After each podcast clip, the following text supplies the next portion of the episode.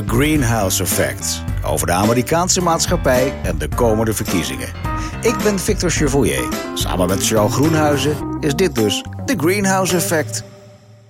De vorige keer, Jean, hebben we het gehad over ehm, ja, de ongekende situatie die mogelijkerwijs ook in Amerika een rol kan spelen. Uh, we hebben het over maatschappelijke ontwikkelingen daar die ehm, zorgwekkend kunnen zijn. Uh, maar een van de dingen waar we toen de vorige podcast mee eindigden, was het hamsteren van wapens. Het, het is echt ontzettend daar nu. Wat gebeurt daar? Nou, het, het, mij verbaast het niet zo. Uh, ik neem een heel klein aanloopje als je het goed vindt. Ik heb -hmm. vele jaren ben ik correspondent in Verenigde Staten geweest. En uh, dan, dan, komen er een aantal dingen komen er periodiek voorbij. Orkanen uh, komen periodiek voorbij. ja, politieke schandalen, presidenten die malligheid uithalen met een stagiaire en wat dan niet. Maar wat ook periodiek voorbij komt, helaas, heel verdrietig, zijn wat ze noemen mass shootings. Schietpartijen ja. waarbij een aantal mensen tegelijk uh, om het leven komen. Uh, leerlingen op een school is een aantal keren gebeurd. Mensen die in een dancing zijn, in een winkelcentrum enzovoort. En bijna altijd als zoiets gebeurde, en dat was dan wel vanaf ongeveer vijf doden... Uh, waren ze in Hilversum, dus bij de, in dit geval bij de NOS waar ik toen voor werkte, raakten ze geïnteresseerd. En dat werd dan een onderwerp in het journaal, zo'n schietpartij. En dan kreeg je of dezelfde dag nog, of de uh, dag erop het verzoek van zeg. Met zo'n schietpartij in Amerika is, kijkt in afgrijzen toe. En de president vindt het vreselijk, tenminste in de periode van de Obama-jaren. Bush ook wel, maar ietsje minder. Zou je niet eens met zo'n wapenhandelaar kunnen gaan praten om nou eens te vragen wat die vindt van zo'n schietpartij? Ja. Nou, dat viel nog niet mee, want niet elke wapenhandelaar zit te wachten op die uh, ultralinkse, socialistisch georiënteerde Europeanen. Uh, en dat was ik als correspondent voor mm -hmm. de Nederlandse televisie. Hoewel ik mezelf dan vaak tooide met het, uh, de, de, de, een soort eretitel dat ik werkte voor Royal Dutch Television. Oh ja, nou dat, maar, maar dat maakt wel indruk daar. Ja, als ja, het over, over, het Koningshuis gaat, dan zijn Amerikanen gelijk helemaal blij. Het Koningshuis is populairder dan Willem-Alexander de Maxima, maar toch. Maar even terug naar waar ik vandaan kwam.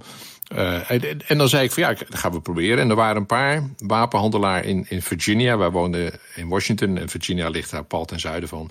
Mm -hmm. Die in dat soort gevallen wel eens bereid waren om Europese televisiecorrespondenten te woord te staan en ook gefilmd te worden enzovoort. En dat, dat, dat heb ik een aantal keren gedaan in de loop van de jaren. Uh, en wat, je dan eigenlijk elke, wat mij elke keer weer opviel, dat, dat je met ze sprak. En dan spraken ze een afschuw uit over zo'n schietpartij. En dan kwam ook ja. altijd kwam de standaardregel van, die we kennen van de NRA, de National Rifle Association, grootste wapenlobby in Amerika. Dat you have to realize, Charles, guns don't kill people, people kill nee. people. Ja. Een bekende strijdkreet. En ook op zich niet on, onjuist. Dat wapen op zich doet niks verkeers. Het gebeurt pas als iemand ermee schiet. Maar... En dan moest ik toch aan denken toen ik inderdaad recent nu de berichten las... waar jij terecht aan refereert over de enorm gestegen wapenverkopen nu in de Verenigde Staten. Amerikanen hebben... A, is, is natuurlijk de hele vuurwapencultuur uh, totaal anders dan hier in, in, uh, in Europa in het algemeen. En mensen zeggen van ja, dat gaat terug naar de tijd van de cowboys. Nou, de meeste cowboys hadden helemaal geen vuurwapen. Dat is er later in de films van John Wayne van gemaakt, maar dat tezijde. Oh. Uh, die, cultuur zit natuurlijk heel erg in. Er zit het frontier-denken, hè, van de, een soort onafhankelijkheid, oer-Amerikaanse vrijheidsdenken. Denk je de beelden van de Marlboro-reclame erbij en je bent helemaal thuis. Maar Heb wat je zelf in die periode een vuurwapen gehad? Geen sprake van. Geen haar nee. op mijn hoofd. Nee, ik kijk naar een simpele statistiek waaruit blijkt, ja, het gebeurt wel eens dat iemand uh, midden in de nacht een inbreker van het, van het erf schiet of uh, uh, iemand afschrikt enzovoort. Maar het aantal keren dat er met die, die huiselijke vuurwapens verschrikkelijke ongelukken gebeuren is veel en veel hoger. Echt enorm. Er ja. vallen veel doden bij, maar meestal niet onder de inbrekers en roofovervallers, maar onder de huisgenoten. Maar dat tezijde, de statistiek speelt hier maar zeer ten dele om. Want de psychologie, en dan kom ik eigenlijk op de kern van het verhaal, ja. is in heel veel gevallen bij Amerikanen better safe than sorry. Ja. Uh, en het zal jou en mij, jij in Wageningen, ik woon in de binnenstad van Utrecht, ook heel gevaarlijk. En dat Wageningen, dat schijnt ook niet pluis te zijn. Nee, maar het zal toch niet in je opkomen om een vuurwapen te kopen om jezelf te beschermen. En bij Amerikanen ligt dat structureel anders. Ja. Uh, en dat is nu ook weer, en Amerikanen denken dan vooruit. We hebben in de vorige podcast gesproken over de mogelijkheid dat er sociale onrust ontstaat, mede door, door alles wat die coronacrisis nu teweeg brengt. Uh, en veel Amerikanen denken daar kennelijk over na. En die zeggen: het zal wel eens urgenter kunnen worden, uh, die noodzaak om mezelf te verdedigen. Ja, precies. Tegen allerlei onverlaten... Dus gewoon angst. Ja, dus kennelijk houden ze daar ook wel rekening mee. En die gaan dan inderdaad naar zo'n gunshop. En die slaan daar vaak flink in. Ja. Maar en dat is, dus ook niet helemaal onbegrijpelijk. En het komt voor mij, moet ik je eerlijk zeggen, met, met de kennis die, die ik net met je deelde, ook niet helemaal onverwacht. Nee, want als je daar in de Verenigde Staten woont, dan weet je ook niet wat er gebeurt. We hebben het ook bij de vorige podcast gehad over die sociale onrust. Ja. Ik denk als wij dat hier eh, binnen Nederland al een beetje aanvoelen van joh, wat gebeurt er daar eigenlijk allemaal? Als je daar woont en als je Amerikaan bent, kan ik me heel goed voorstellen dat je heel onrustig wordt van een hele ongekende situatie waar we nu zitten. Ja, dat, dat kan ik me goed voorstellen. Alleen de, de vertaalslag die dan veel Amerikanen maken, ook niet allemaal. Hè. Als je praat over gestegen wapenverkoop ik wil niet zeggen dat iedereen nu een vuurwapen heeft. Eh, meer dan een derde van de Amerikaanse gezinnen heeft een vuurwapen. Dat is waar. Er zijn in totaal. Uh, dat is nog best veel hoor. Ja, ja, ja, ja, ja, zeker. Er zijn in Amerika meer vuurwapens dan Amerikanen. Maar er zijn nog wel mensen die er een stuk of tien hebben. Dus dat telt ook wel flink aan. dat telt aardig op. Maar het, wapen, het wapenbezit uh, is wel veel hoger. Ik herinner me nog heel goed dat we op een gegeven moment in Bethesda... ja, een soort, soort blaricum van Washington, zou ik maar zeggen, woonden wij. Ja. Uh, we horen niet tot de echte rijke elite daar, maar uh, we deden ons best. We er een beetje tegenaan. Ja, ja, ja. ja. Dus ja. goed betaalde en best ook weer niet. Maar we waren bij vrienden op bezoek.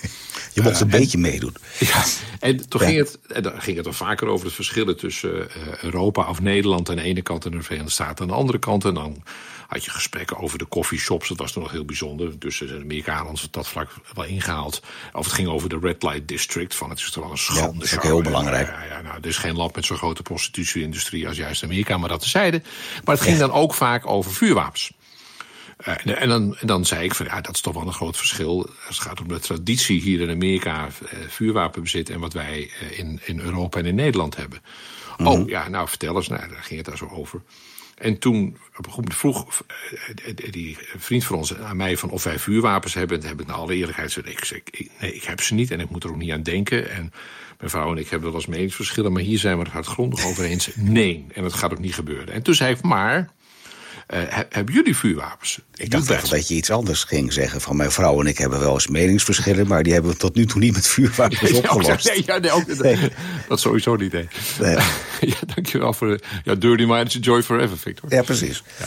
Maar het, en toen vroeg ik het dus aan hun. En ja, ze uh, hadden vuurwapens, ook in het meervoud. Mm. Dan moet ik er wel bij vertellen, dat is een Joods gezin. En dat is in dit geval relevant, omdat het antwoord toen van hem... toen ik het vroeg, ja, maar hoezo dan? Why? En toen zei hij, letterlijk tekst... In case of an emergency, I want to be able to shoot my way to the airport. Oeh. En daar speelt natuurlijk wel het, het denken van Joodse Amerikanen... van er, er, kan een moment komen dat we, dat we hier weg moeten. Ja, dat maar zit, als, je, als je dit zo zegt, dan zit er toch zo'n ontzettende angst in. Dat is toch echt... Ja, of het nou echt dagelijkse angst is... of dat het, dat het iets is waarbij, waar ze rekening mee houden ook wel vanuit hun Joodse traditie en de manier waarop ze over veiligheid en, en de erfenis van de Holocaust enzovoort. Net zo goed als, als in die kring ook als je praat over uh, je verbazing dat bijvoorbeeld Amerika geen, geen bevolkingsregister heeft. Zodat ja. je, al die gekkigheid met verkiezingen, nou, daar gaan we het de volgende keer vast nog eens over hebben. Dat heeft allemaal te maken, en dan kom je toch terug op jouw eerste punt over dat vuurwapenbezit, heeft iets te maken met een zeer diep gevoelde zeer oprecht gevoelde ook. Je kunt ermee oneens zijn, de conclusies die ze trekken, maar oprecht gevoeld. Uh, uh, het idee van we, we, moeten ten koste van alles onze vrijheid verdedigen. en dat is heel erg gekoppeld aan zelfverdediging. Dat is heel erg gekoppeld dus aan dat vuurwapenbezit. Dat is ook heel erg gekoppeld aan de neiging om om problemen meer individueel te definiëren dan te zeggen... ja, nee, maar daar ja. moet de overheid zorg voor dragen. Daar hadden we het de vorige keer ook over. Hè. Komt er onrust, komt er sociale onrust. Die ja. kans is meestal niet zo groot in Amerika... omdat hun denken, en dat realiseren Nederlanders zich niet altijd... echt fundamenteel op dat soort terreinen echt anders is... dan wat het gemiddelde hier in Nederland is als je dat meeneemt, dan is het eigenlijk heel bijzonder om te concluderen dat ze aan de ene kant heel erg eh, nationalistisch, patriotisch zijn, heel erg Amerikaans, wij. Maar als het erop aankomt, dan is het van de wij-samenleving meer een soort ik-samenleving. Ja, maar die ik-traditie past dus in de Amerikaanse traditie.